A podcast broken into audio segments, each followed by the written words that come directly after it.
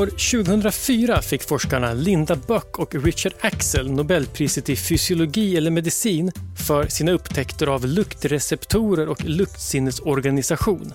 Innan deras forskning på 1990-talet visste vi faktiskt inte exakt hur luktsinnet fungerar. Men de kunde kartlägga både hur systemet med receptorer i näsan är kopplat till hjärnan och de genetiska orsakerna till att de utvecklas som de gör.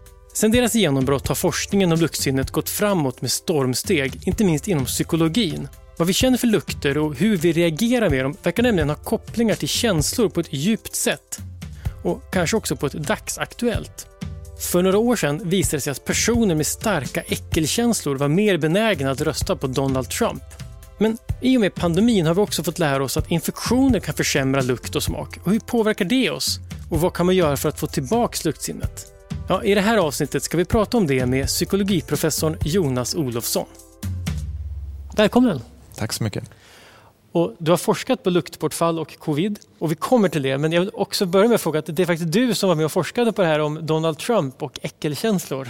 Vad, vad var det för forskning? Ja, precis. Vi, vi började med att eh, ställa oss frågan varför är det så stigmatiserande att lukta illa och varför är vi så rädda för att lukta illa? Mm. Så vi började göra eh, undersökningar och, försöka förstå vilka det är som störs av det här och, varför. Så vi utvecklade en enkät eh, för att ta reda på det och mm. Då såg vi ganska snabbt att de som var väldigt lättäcklade för just kroppslukter som svett till exempel, de, eh, de betedde sig lite olika i de här olika personlighetstesterna och så som vi gjorde. Och bland annat då så visade det sig att de är mer benägna att rösta på Donald Trump och de har även andra politiska attityder som mm. hänger ihop med det.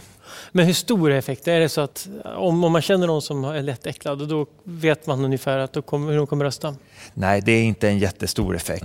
Så är det ofta i kan man säga, enkätbaserad forskning överlag och, och inom psykologisk forskning överlag, att det är inte jättestora effekter. Så man ska inte döma folk på förhand kanske bara på grund av det.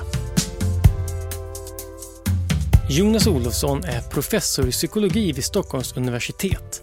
Han leder en forskargrupp som undersöker om doftsinnet kan vara en tidig markör för demenssjukdom, varför det är så svårt att namnge dofter, om man kan träna hjärnan med doftbaserade datorspel och om dofter kan påverka sociala processer.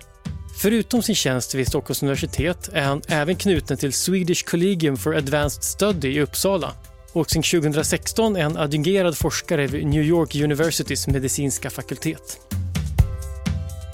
Men hur viktigt är den här typen av forskning? För det är klart att det här är ett resultat som att, att ni tittade på Trump, hade ni, hade ni inte ens använt namnet så hade det kanske inte blivit lika stort. Men är det ett skäl att göra sån här forskning också? Att tillspetsa det lite för att göra det mer tillgängligt, att folk lyssnar lite extra? Ja, så är det absolut och det är, var nog anledningen till att just den där studien blev så oerhört eh, uppmärksammad. Så, så, så är det. Och sen, eh, min forskargrupp är inte jättebekymrad över att göra medial forskning. Det, det är andra saker som driver oss. Men det var ju ganska roligt att det, det, fick så mycket uppmärksamhet och mest positiv uppmärksamhet. Så att även folk som sympatiserar med, med Trump och, mm. åt det hållet tyckte också att det var intressant. Och då fick de det till att vara konstigt att de här andra som inte står på min politiska sida, att de inte störs av äckliga det. lukter. Det är ju väldigt märkligt för dem. Så att på det sättet eh, var det en ganska intressant upplevelse att se också vilken, vilken uppmärksamhet det fick. Så en lite intressant eh, här, eh, effekt av den här forskningen som vi har gjort är att den har blivit citerad också av eh, bibliotekarier mm. i USA, biblioteksforskning. För där är det en, en, en kontrovers om Hemlösa söker sig oftast till bibliotek mm. och då är det så att, att, andra personer försöker få bort dem på grund av att de luktar annorlunda. Så ska man liksom vräka dem från de här platserna där de sitter. Och då har den här forskningen som vi har gjort mm. kommit in i den diskussionen, vilket var väldigt eh, oväntat för oss. Bara en snabb fråga på det. Luktsinne, alltså att, att starka äckelkänslor, är det samma sak som att ha ett bra luktsinne? Eh, många som påverkas starkt av lukter, de tycker själva att de har ett väldigt bra mm. luktsinne. Men det är inte riktigt samma sak. Utan eh, Det finns de som har en jättekänslig näsa men som inte stör sig särskilt mycket av lukter i sin omgivning. Eller man är inte så reaktiv men man kan vara väldigt känslig ändå. Och då måste man ta in dem i forskningslabbet och, och mäta hur svaga lukter man, man verkligen kan mm. känna. Och det är egentligen två olika saker faktiskt. Mm. Man tycker medial forskning är ett sätt att, att just ändå få uppmärksamhet för studier och forskningsfält. Så den här Trump-studien då, men kanske ännu mer nu med covid, att man har fått upp ögonen mer för att luktforskning finns och att det är viktigt. Men en annan sak som bidrar till det, Nobelpriset har en sån funktion också, att fält, forskningsfält uppmärksammas. Det är sällan dagsaktuellt när de får priset, men det kanske gått några år, men då får man upp ett helt fält. Och Linda Böck fick priset 2004 och du träffade henne precis i samband med det. Hur var det och påverkade det din luktforskarkarriär? Ja, det, det, gjorde det nog på, på fler än ett sätt. Jag var första års doktorand och hade just gjort min första studie och Linda Back har forskningskollegor i Umeå där jag jobbade. Och så hon kom upp dagen efter eh, Nobelceremonin och träffade oss doktorander och forskare som jobbade med luktsinnet och sen gav hon också en presentation på Umeå universitet. Och det var ju väldigt inspirerande naturligtvis. Och jag, jag både personligen men också så har jag förstått, eller det har ju varit uppenbart att det har betytt väldigt mycket för fältet. Både upptäckten som ju kom redan 1991 men även Nobelpriset har ju gjort att det, det har eh, satts på kartan på ett helt annat sätt. Luktsinnet är otroligt viktigt för alla däggdjur. Vi använder oss av det för att orientera oss i vår omgivning men framförallt använder nyfödda däggdjursungar luktsinnet för att hitta fram till mjölken som den ska dia. Länge förstod vi inte exakt hur luktsinnet fungerade men tack vare Linda Buck och Richard Axel har det skett stora genombrott inom luktforskningen. Buck och Axel fick medicinpriset för att de kartlade generna som ligger bakom systemet för att vi kan känna igen och reagera på över 10 000 olika dofter. Och vi gör det genom att sätta ihop signaler från olika luktreceptorer, de celler i näsan som reagerar på luften vi drar in genom näsan. Så innan dess så visste man inte riktigt hur kan det komma sig att vi kan känna så många olika doftkvaliteter. Och man gjorde undersökningar på, till exempel på 60-talet så, så var det en, en forskare som var väldigt berömd som hette John Amore som identifierade personer som inte kunde känna vissa speciella lukter. Och så letade han och liksom testade tusentals personer och så försökte han göra någon typ av system av, försöka härleda hur luktsinnet fungerar. Bara baserat på de här personerna som inte kan känna vissa lukter men alla andra lukter. Så det var liksom oerhört svårt att få en typ av sammanhängande bild av luktsinnet innan man visste exakt hur de här receptorerna produceras mm. biologiskt. Och eh, tack vare att vi har då ungefär 360 olika receptortyper i kombination med att varje lukt som vi känner kan innehålla dussintals doftande molekyler då som, som aktiverar olika receptorer mm. så blir det här ett, ett, ganska komplext pussel som kan se ut på väldigt många olika sätt. Så det är ett av mysterierna med luktsinnet som Linda Buck och Richard mm. Axel löste kan man säga. Så att inte det är 360 receptors, receptorstyper. Ja. Mm. Det finns tiotusentals av varje. Ja. Så det finns jättemånga. Och det är en sorts cell helt enkelt i ja, näsan? Ja. Nervcell. Så att det inte då är en receptor mot en lukt så att du får 360 dofter utan det, de, en, en lukt består av flera saker? Precis. Så de flesta lukter, till exempel kaffe som, som mm. de flesta har en personlig relation till, eh, innehåller dussintals, ett 50-tal. Det beror lite grann på vilken typ av kaffe och hur det är. Och så. Men vi kan troligtvis känna åtminstone 50 30 olika doftmolekyler och kombinationen av det blir kaffe. Och är det här individuellt? Ja, precis. Och det där är ett forskningsområde som är väldigt intressant. Eh, luktsinnet skiljer sig väldigt mycket från person till person. Så det är sannolikt så att kaffelukt är inte samma kaffelukt för alla. Det var svårt att tänka sig, men, mm, men många tycker mm. det luktar gott i alla fall. Mm. I alla fall. Ja. För jag tänker det här med var, varför saker luktar illa. Du pratar om att det är genetiskt. Är det liksom då, då antar jag att det är evolutionärt, eller det är ju evolutionärt framvuxet. Varför luktar saker illa och gott? Mm. Där finns det olika eh, positioner bland forskare och eh, jag hör till dem som tror att det mesta av det som luktar illa och luktar gott, det handlar om vad vi har lärt oss eller inte lärt oss att tycka om. Eh, för man ser att barn tycker ofta att saker luktar illa, men när de blir exponerade för lukter och mm. mat till exempel, så kan de ganska snabbt komma att, att tycka att det är ganska gott. Så det, det alla föräldrar känner till det. det. Att, att, man kan eh, faktiskt få barn att tycka om saker som de inte tyckte om förut. Så kan man säga i, i vardagen så är det den stora grejen, tror jag. Att, mm. att vi, vi måste exponera oss för någonting så att kroppen lär sig och hjärnan lär sig att det här är inte farligt, det kanske till och med är nyttigt för oss. Mm. Sen finns det de som tror att vi i likhet med andra djur har så att säga, snabbspår i hjärnan som varnar oss för olika farliga lukter eller att vi har feromoner och så vidare som, som andra djur. Men där är bevisningen, tycker jag, inte är jättestark. Men det beror på vem man frågar. Jag förstår, men för om man tänker då att det här med, man pratar ibland om ett bäst före-datum ska man inte titta så noga på, man ska känna på lukten. Och mm. det är för att man har lärt sig att härsken, härsket mm. kött luktar illa eller dålig mm. mjölk, sur mjölk luktar, äh, luktar farligt. Precis, och, och, det här var någonting som man upptäckte på på 60-talet att det kallas för Garcia-effekt, att, att just däggdjur har en enorm kapacitet att lära sig vilka dofter hänger ihop med att vi blev sjuka. Det är liksom ett av kroppens snabbaste inlärningssystem. Just det, och det är därför man ganska snabbt kan tycka, någonting som man tyckte var ganska gott kan man sen tycka var ganska äckligt om man till exempel råkat kräkas precis efteråt. Precis så. Vilken mm. anledning det nu må vara. Mm. Men det är fortfarande så att det evolutionära framväxten av systemet kan ändå vara att det är en sorts skyddsmekanism att ha förmågan att lära sig vad som är bra och dåligt. Så det, är, det är inte ifrågasatt så varför Precis. det finns till. Det, Precis. Det är inte helt neutralt. Det är viktigt att kunna känna skillnad på Absolut, och ju, ju, mer komplex miljön är, desto viktigare blir det att kunna lära sig av sina erfarenheter. Mm.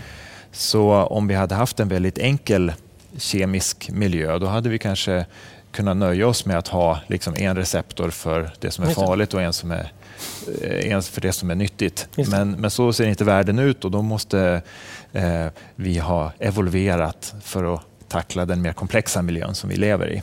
Mm.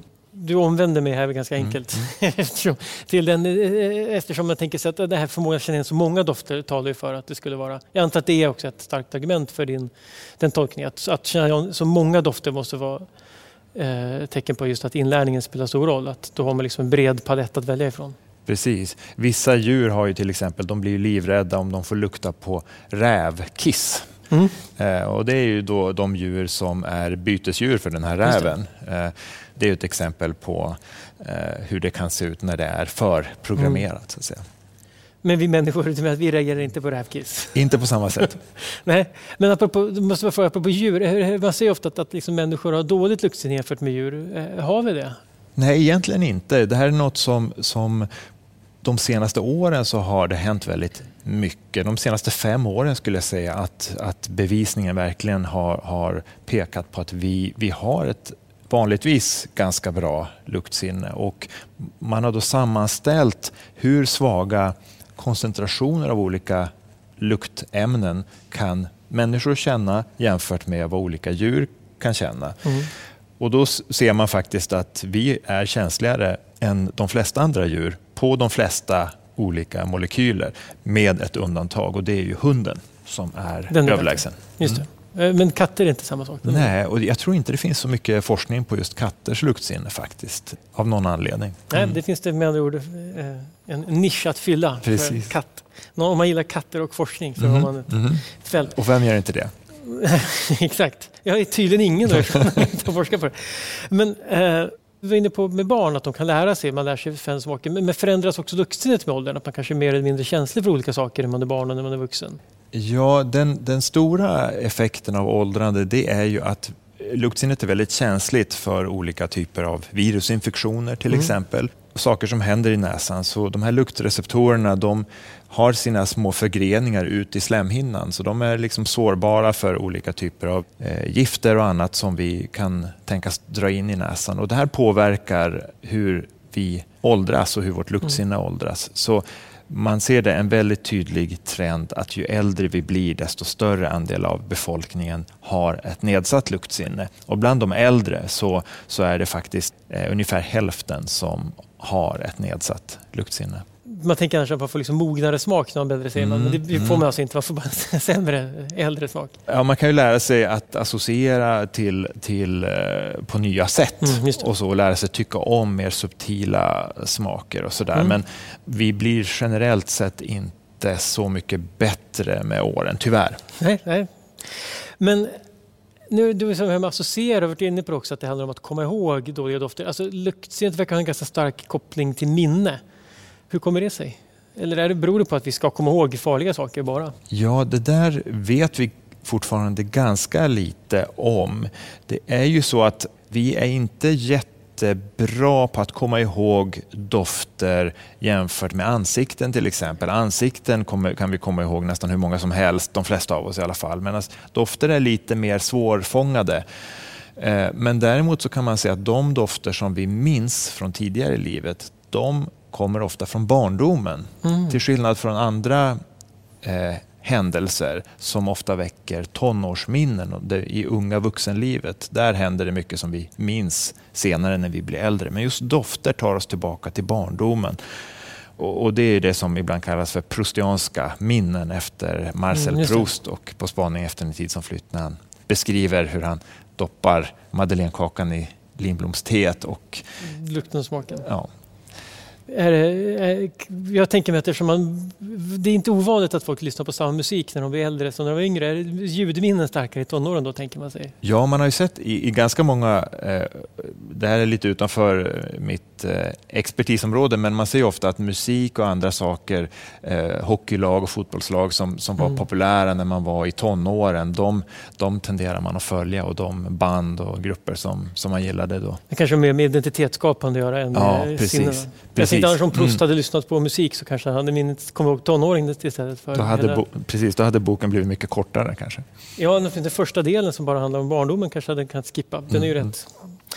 Men det finns fortfarande sex delar kvar. Det var det. Nej, hur som helst. Ja. Eh, ja, men, precis. Men, men, men ofta så hamnar man ju i situationer där man kanske inte minns... Alltså, just det här man känner igen en doft och som är väldigt svårt att placera den. Mm. Beror det på att man inte minns att minnet är dåligt eller beror det på att man inte kan sätta ord på den? Det där är en jätteintressant fråga tycker jag och eh, jag har forskat en del om det. Man, man känner alltså, det är precis som du säger, att det här är väldigt bekant, men vad är det för Mm.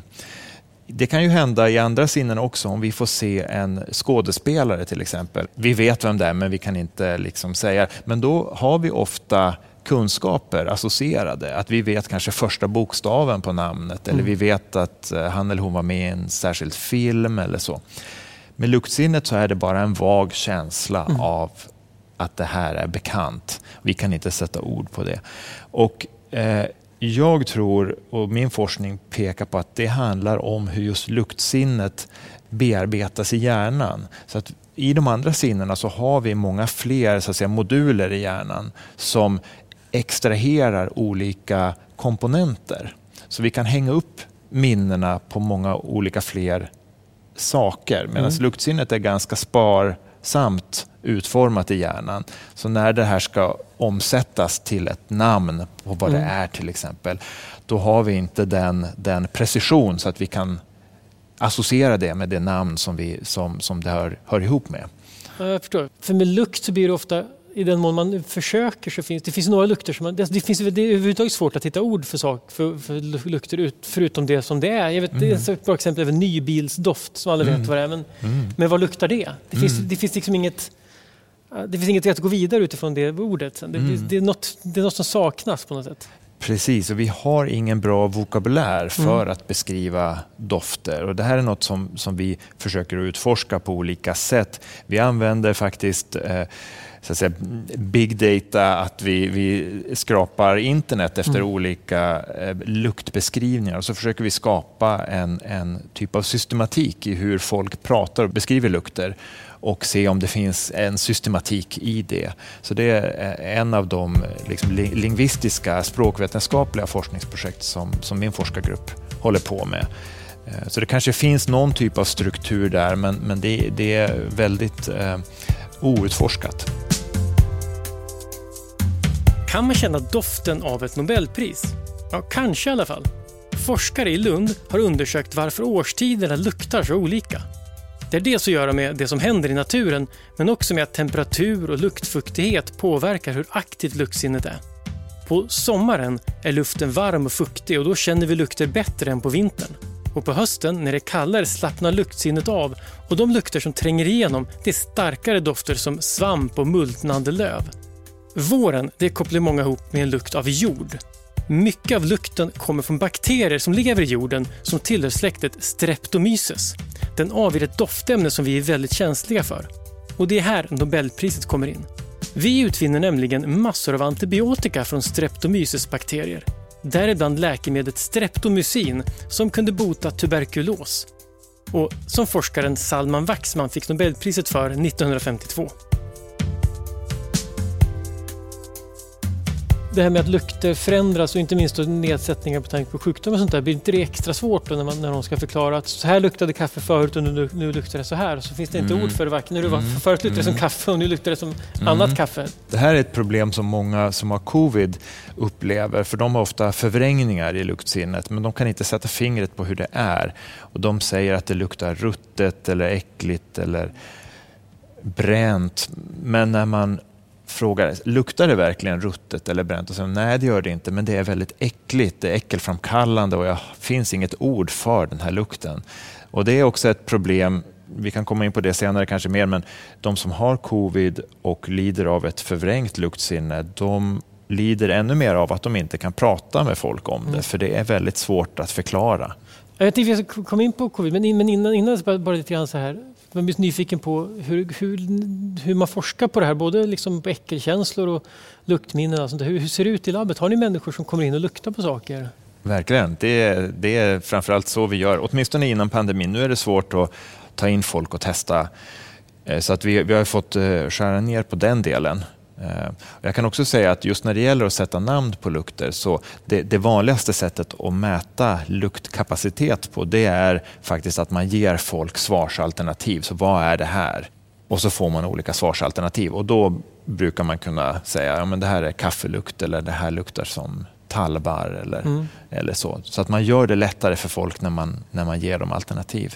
Just för, för kopplingen mellan loff, lukt och språk är svag, men då stärker man den, då får man lite assistans. Precis, så att luktsinnet tror vi är i större utsträckning än andra sinnen beroende av support från mm. kontexten och det kan vara en visuell kontext eller namn, alternativ eller så. Förväntningar och förutsägelser om vad det är vi luktar på. Så får vi bara en lukt i en burk då är det otroligt svårt att säga ja. vad det är för något. Men är det så det går till? Jag är nyfiken ännu mer konkret. Men är det, får man en burk framför sig och så ligger det då ett tallbar i där eller vad det nu kan vara? Eller en, så, så kan det vara i vissa, i vissa fall. Det finns också vi använder ibland maskiner då för att presentera lukterna och då sitter man framför en datorskärm med en slang som går fram till näsan och så mm.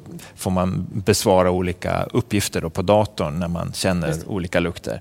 Och ni, lägger, ni framställer lukterna genom att ha en massa saker i era skåp? Vi, vi, vi använder ofta eh, kan man säga, essentiella oljor, parfymoljor, olika, det, det, finns en massa olika leverantörer av olika dofter i, mm. i vätska. Men och, ofta går det också bra att faktiskt stoppa ner grejer i burkar och, och eh, visa. Då får man ju precis den lukten som man vill ha också. Så det, det kan man också göra. Så det, det, man får vara väldigt mycket praktiskt mm. lagd när man ska jobba med luktsinnet faktiskt. Det är ganska mycket pillande. Ja, det där måste ju vara, jag tänker liksom, forskningen tar en till märkliga mm. erfarenheter på något mm. sätt. Jag kan säga en sak, när jag var postdoc i Chicago så jag testade då patienter som hade dålig förmåga att beskriva vad de luktade. Så då ville jag ha de absolut enklaste lukterna som jag kunde hitta.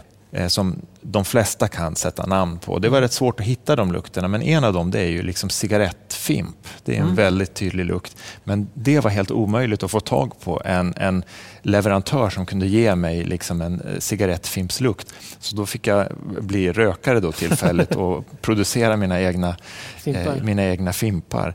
Och det funkade jättebra.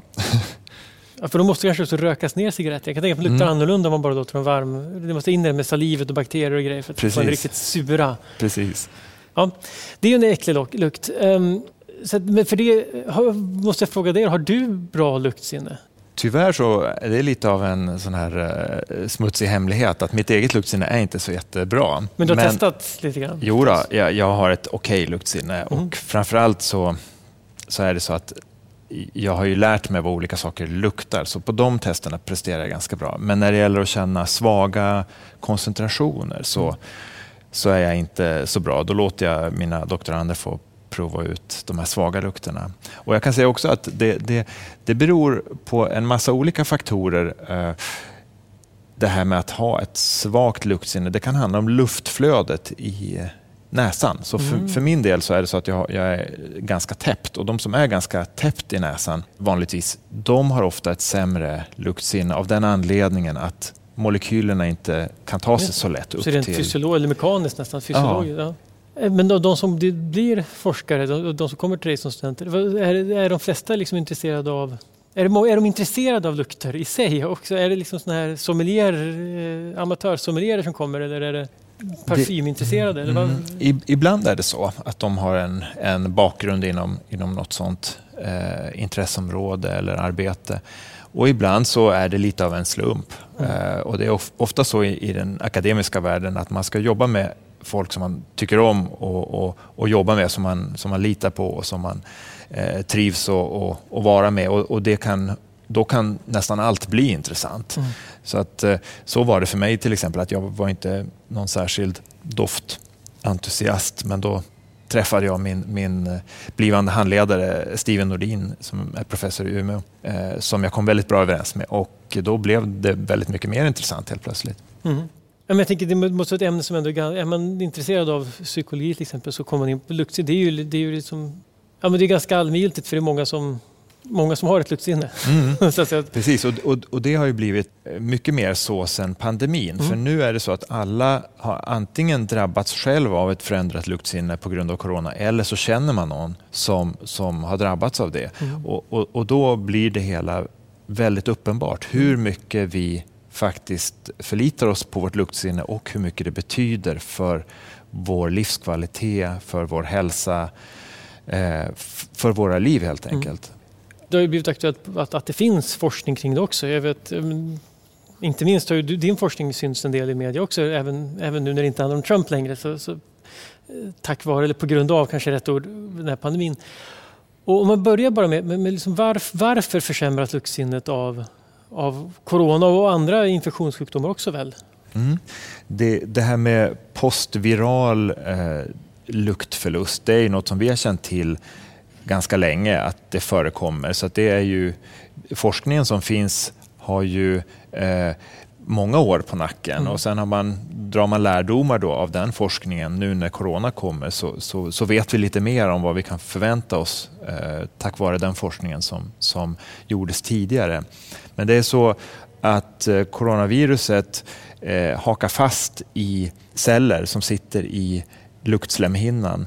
Både i det så kallat respiratoriska epitelet men också i doftneuroepitelet som är där luktcellerna sitter. Så inne i näshålan finns det en slemhinna, mm. förenklat uttryckt. Och, och, den här slemhinnan uttrycker vissa gener då, och, och, och de är liksom mottagliga för coronaviruset. Så det är en typ av bindningsmekanism som man har hittat mm. för coronaviruset. Så viruset angriper specifikt luktsystemet? Viruset sätter sig där och påverkar cellerna på olika sätt. Och det finns, det finns många olika typer av celler där. Eh, inte bara de här nervcellerna som förmedlar luktinformationen upp till hjärnan utan även andra celler. Men hela den här miljön blir liksom rubbad när det mm. kommer in coronavirus och börjar härja. Och eh, Tidigare så trodde vi att coronaviruset inte direkt påverkade de här nervcellerna, mm. eh, luktreceptorerna. Eh, men nu finns det ny forskning som pekar på att de faktiskt kan göra det så att viruset kan liksom slå av aktiviteten i, i de här cellerna. Så att viruset påverkar hela den här miljön i näshålan som gör att många får en eh, från en dag till en annan så förlorar de luktsinnet till nästan 100 procent. Och det, det, är liksom en chockartad upplevelse för dem. När, när man tar morgonkaffe till exempel mm. och så är det som varmt vatten. Och man Just har det. inga övriga symptom ofta när det där händer. Så det är ju eh, ofta en tidig indikation på att man har corona. Ja, och en ganska vanlig tidig indikation, eller hur? Annars Mm. är corona ganska... Mm. Det är som, det är så, alla symptom som är på corona är symptom på allt annat också. Liksom. Inte minst när man Mm. går igenom en vintersäsong där man är små och snuvig och Mm. sådär. Så att allt kan vara corona, men det där är ändå specifikt. Precis, det, det är så att de som drabbas drabbas ofta väldigt hårt. Så att säga. Luktsinnet, det känns som att man inte har något luktsinne längre då, från en dag till en annan. Men man kan andas normalt ofta genom näsan och man har inte, liksom, det är inte snuva på samma sätt som en vanlig förkylning. och Så, där. så, att, så att det, det gör ju att man, man förväntar sig att kunna känna doften men man gör det inte. Så det, därför blir det förvirrande. Då. Så det, det är det symptom som visar sig vara en, den starkaste enskilda indikationen på att man har covid-19. Men jag ska också säga att det är ungefär hälften av de som har covid som har luktnedsättning, så man kan ha det även utan att ha påverkat luktsinnet. Men så att om man, om man är snuvig så utan luktbortfall så kan det fortfarande vara corona eller covid. Men, men om man har luktbortfall så är det väldigt stor chans att det är det man har. Ja.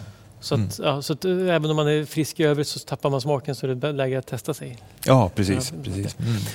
Men du sa också att, det finns, att man får ett förändrat luktsinne. Är det, är, kommer det förändrat med tiden eller när det kommer tillbaka som det blir fel? Eller? Under våren då pratade vi nästan enbart om det här med luktförlust eh, i covid. Men sen under sommaren och hösten framför allt, då hörde man mer och mer om att folk som har haft luktförlust nu har hemska ibland förvrängningar av luktsinnet. Så att det verkar som att när luktsinnet försöker återhämta sig från den här förlusten, då blir det fel, någon typ av felkoppling. Och eh, det är ofta kaffe är den enskilt vanligaste eh, lukten då, där många känner att jag brukade älska doften, av, doften och smaken Mm. av kaffe men nu, eh, nu kan jag liksom inte dricka det längre. Och vad, vad, kan man, vad kan man göra åt det? Kan, kan man få tillbaka sitt gamla luktsinne? Ja, dels så ska man säga att många återhämtar sig naturligt. Eh, efter några veckor, för vissa tar det månader. Eh, men det kan vara så att ungefär 10 till 15 tror vi som, som får leva med det här under en längre tid. Och då handlar det, eh, i den mån de här symptomen blir långvariga, då finns det eh, olika typer av kan man säga, communities för de som drabbas. Eh, att att man, man lär sig om hur man ska inrätta sin kost för att undvika de här obehagliga erfarenheterna och se till att man inte tappar i vikt för att man inte kan äta saker längre och sådär. Så det finns olika resurser för, för det. Men sen är ju ett mål naturligtvis att få tillbaka luktsinnet till sin forna glans. Eh, och eh, då rekommenderar vi en metod som heter luktträning och som man har hört kanske ganska mycket om vid det här laget. Eh, och det handlar om att på ett koncentrerat sätt och ett fokuserat sätt göra liksom näsgymnastik kan man säga. Att man doftar på vardagslukter varje morgon och kväll ungefär 10 minuter. Eh, och att man verkligen hänger fast vid den metoden i flera månaders tid. Då har man sett att det kan ge en förbättrad återhämtning. Ja, just det, det här finns till och med en sida man kan gå till, eller hur? Luktträning.se. .se. Ja, precis. Och Ja. jag och min, min kollega Johan Lundström på, på Karolinska institutet satte ihop den där hemsidan för vi fick väldigt många mejl från personer som, som ville veta mer. Mm. Och då tänkte vi att det behövs en, en sida på svenska där man kan läsa mer. Men kan man, om, man, om man inte har, har fått något luktbortfall, kan man använda luktträning för att träna upp sitt luktsinne på att bli bättre ändå? Om man vill bli sommelier eller man bara vill tycka Ja. att man är lite dålig? Precis, och det gör ju redan liksom sommelierer och parfymörer. Det finns eh, så att säga, vinprovningsdoftsätt som, som man kan köpa och, och träna med för att verkligen kunna identifiera de här olika komponenterna. Och, och, och min forskning om luktträning började ju långt innan Mm. corona så att den handlade om just det att kunna träna upp folk som vill ha ett bättre luktsinne. Den ursprungliga tanken från min sida handlade om kopplingen mellan luktbortfall och demens. Så vi, vi, vi har sett i många studier att eh, personer som har en hög risk att få demens, Alzheimers sjukdom framför allt, de drabbas tidigt av ett nedsatt Mm. luktsinne. Och man ser det även hos Parkinson-patienter. De har en väldigt stark nedsättning i luktsinnet. Och det där fick mig att tänka, går det att på något sätt träna hjärnan med hjälp av dofter. Så då har vi utvecklat olika metoder, en typ av minnesträning framför allt med dofter och utvärderat det och, och, och sett att det har eh, möjligtvis vissa resultat och vi har inte ännu provat det på patienter men på friska personer så verkar det ge en, en väldigt stark förbättring. Men är hoppet då att man ska träna upp Alltså, för det är ju ett resultat i sig att få personer med begynnande demens att, ta, att inte tappa luktsinnet. Men, men, kan det också hjälpa deras minne, tänker man? Att det ska fördröja effekterna av... Är det förhoppningen? Eh, långsiktigt så är ju det ett, ett mål. Då. Mm. Men, men vi har inte haft möjlighet att, att uh, gå så långt än i forskningen. Men det, det är ett mål för framtiden. Och förutom då alltså infektioner och uh, demens och så, vad, vad, finns det mer som kan skada luktsinnet? Ja, det kan vara allt ifrån att man har uttorkade slemhinnor, vilket är vanligt hos äldre. Det är också vanligt att mediciner ger ett försämrat luktsinne och de kan även ge bismaker när man äter, metalliska bismaker. Det finns en lång lista av sådana mediciner som tyvärr då kan påverka också ens aptit eftersom det påverkar smak och, och, lukt. Så det kan vara lite av varje. Eh, många får luktnedsättning efter att ha ramlat och slagit huvudet. Mm. Särskilt om man ramlar och slår bakhuvudet så kan nervtrådarna slitas av här i, i, som förbinder näshålan med, med hjärnan. Om man slår sig på näsan kan det påverka också antar jag? Ja, ja det kan det göra. Ja, slag mot huvudet är inte slag bra. Slag mot huvudet är inte bra. Så boxare har ofta nedsatt okay. Eh, luktsinne. Mm. Vi har varit inne på några saker, då, att, liksom, det dåliga med att skada luktsinnet. Men, men vad, vad, finns det för, förutom att det är liksom tråkigt och så, vad, finns det, vad är det mer som är dåligt med att tappa luktsinnet eller att bli av med det, att det skadas? Mm. Det är väldigt vanligt att folk känner sig nedstämda och ibland deprimerade efter att ha förlorat luktsinnet. Mm. Så det är mycket vanligare att man blir deprimerad efter att ha förlorat luktsinnet än att bli deprimerad efter att ha blivit blind till exempel eller vara okay. blind eller döv. Så att det, det, eh, just luktsinnet har en sån intim relation till omgivningen, vilka vi är, njutning och så vidare. Så det är mycket av livskvaliteten som går förlorad. Mm. Mat och dryck och att kunna lukta på sin partner eller sitt husdjur och så vidare. Så förlorar man det så, vissa beskriver det som att man upplever verkligheten på en skärm. Att man är liksom inte en del av verkligheten utan man ser den på en skärm eller att man ser verkligheten i svartvitt och allt blir liksom tråkigare. Mm. Så det är ju väldigt hemskt faktiskt. Ja, men det är fascinerande att ett sinne som är så... Man tänker ganska lite på det, om man inte, förutom du, då, men när man inte forskar om det. Mm. Tänker ganska lite på det. Mm. Och att det ändå hänger... Och, och, ganska svårt att prata om det också, som vi var inne på. Att det är svårt att sätta ord på det. Och samtidigt hänger så starkt ihop med de här språk och minnefunktionerna. Åtminstone minnesfunktionerna och, och, och livskvalitet. Mm. Vad ser du, förutom då att det här corona nu som jag antar liksom tar över all medicinsk forskning de närmaste åren. Men, men, vad finns det annars för forskning som pågår inom luktforskning som är liksom de heta fälten? Ja, det, det, är väldigt mycket. Det är svårt att sammanfatta för att det, det är både eh, liksom biologisk forskning som pågår, mycket av, den, mycket av hjärnforskningen eh, som baseras mest på råttor och möss. Där använder man ju luktsinnet för att de ska lära sig saker eller olika uppgifter. För de är så liksom, drivna av lukter. Ehm, så, så mycket av det vi kan om hur rått och mushjärnan fungerar är ju baserat på luktsinnet. Så det finns mycket biologisk forskning. Ehm, den här demenskopplingen tycker jag själv är väldigt intressant och det är någonting som förbinder kan man säga neurovetenskapen med den psykologiska, neuropsykologiska forskningen då som, som, som jag bedriver. Ja, jag, jag, skulle nog säga att det är de, de stora mm. bitarna som jag kan komma på. Mm. Så det innebär att man, man, man kan säga att det forskas både på själva luktsinnet och dess funktioner och hur det kan förbättras, men också att så används luktsinnet som ett verktyg misstänker för minnesforskning och liknande också. Ja, precis. Och, och det är ju ett sinne som inte är så väl utforskat, så det finns alltid mycket saker att göra. Jag kan också säga att det finns intressanta saker på andra djurmodeller som insekter, insekters luktsinne, där finns det väldigt mycket forskning och, och, och det kan man ju tycka att, att det kanske inte är så låter så himla viktigt. Men, men just eh, malariamyggan är ju mm, en av de största spridarna av sjukdom som finns i, i världen. Och, eh, och, och, om man kan påverka dem, styra dem med lukter så, så kan man rädda väldigt många liv. Så det finns mycket forskning kring, kring just insekters Ja, spännande. Ja, luk, mm. Lukter som olika kontrollsystem för djur måste ju, och för människor ja. också för den mm. delen, men mm. djur kanske mm. mer etiskt. Mm. Spännande.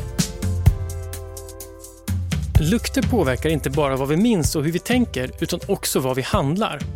Forskare vid Karlstads universitet visade för några år sedan att försökspersoner som utsattes för lukten av kaffe och kakor var mycket mer intresserade av att fika än de som inte gjorde det.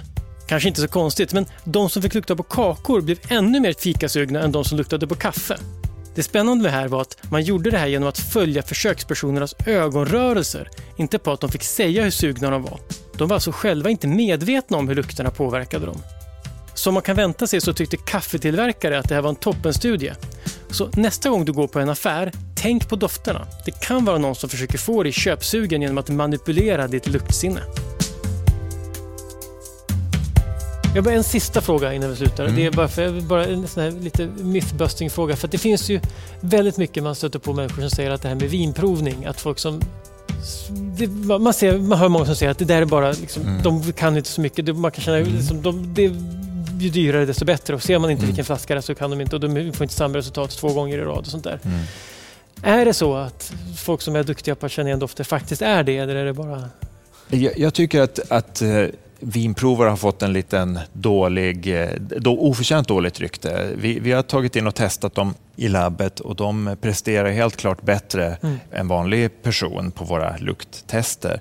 Sen, sen, mycket av den här dåliga ryktet tror jag kan komma från just vinrecensionen som en genre. Mm. Och där handlar det mycket om att man ska liksom hitta de mest exotiska beskrivningarna och sticka ut hakan lite grann. Och, och det, det, det, är mycket blaj helt enkelt just i, i, i, recensioner av viner och så. Men när man väl tittar på de här eh, vinprovarna så är de ofta väldigt duktiga och de, de kan sin, sin mm. sak. Så att man får skilja på, på de olika sakerna tror jag. Ja, bra. bra.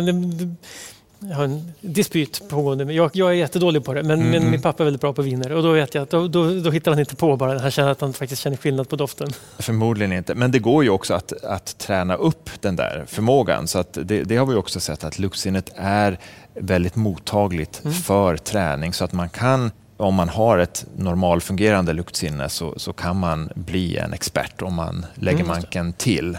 Och sen har vi ju då parfymörerna som är en väldigt exklusiv klick och de är ju helt fenomenala. Där finns det bara ungefär 500 i hela världen som är så att säga eh, legitimerade, utbildade parfymexperter. Så det är en, det är en väldigt eh, selektiv grupp. Just det, och de måste ju vara fullkomligt duktiga. livrädda för att få corona. Precis, jag hörde, jag hörde faktiskt nyligen att eh, franska vinprovare har gått ut och sagt att de vill ha förtur till eh, vaccineringen mot corona för att de kan inte utföra sitt jobb om de skulle förlora luktsinnet. Så att, så att det finns vissa yrkesgrupper, fler än vad man tror, mm. där, som faktiskt har det som sitt levebröd. Att, ja. att ja, ett fungerande luktsinne. Man, man, ler åt att franska vinprovare... Mm. mm. men, men det, låter, det är faktiskt ett allvarligt problem verkar mm. som. Det, men det är mm. klart att det är en, en, man kanske inte hört så mycket om, men det är klart att det måste vara... Det är ett reellt problem. Mm.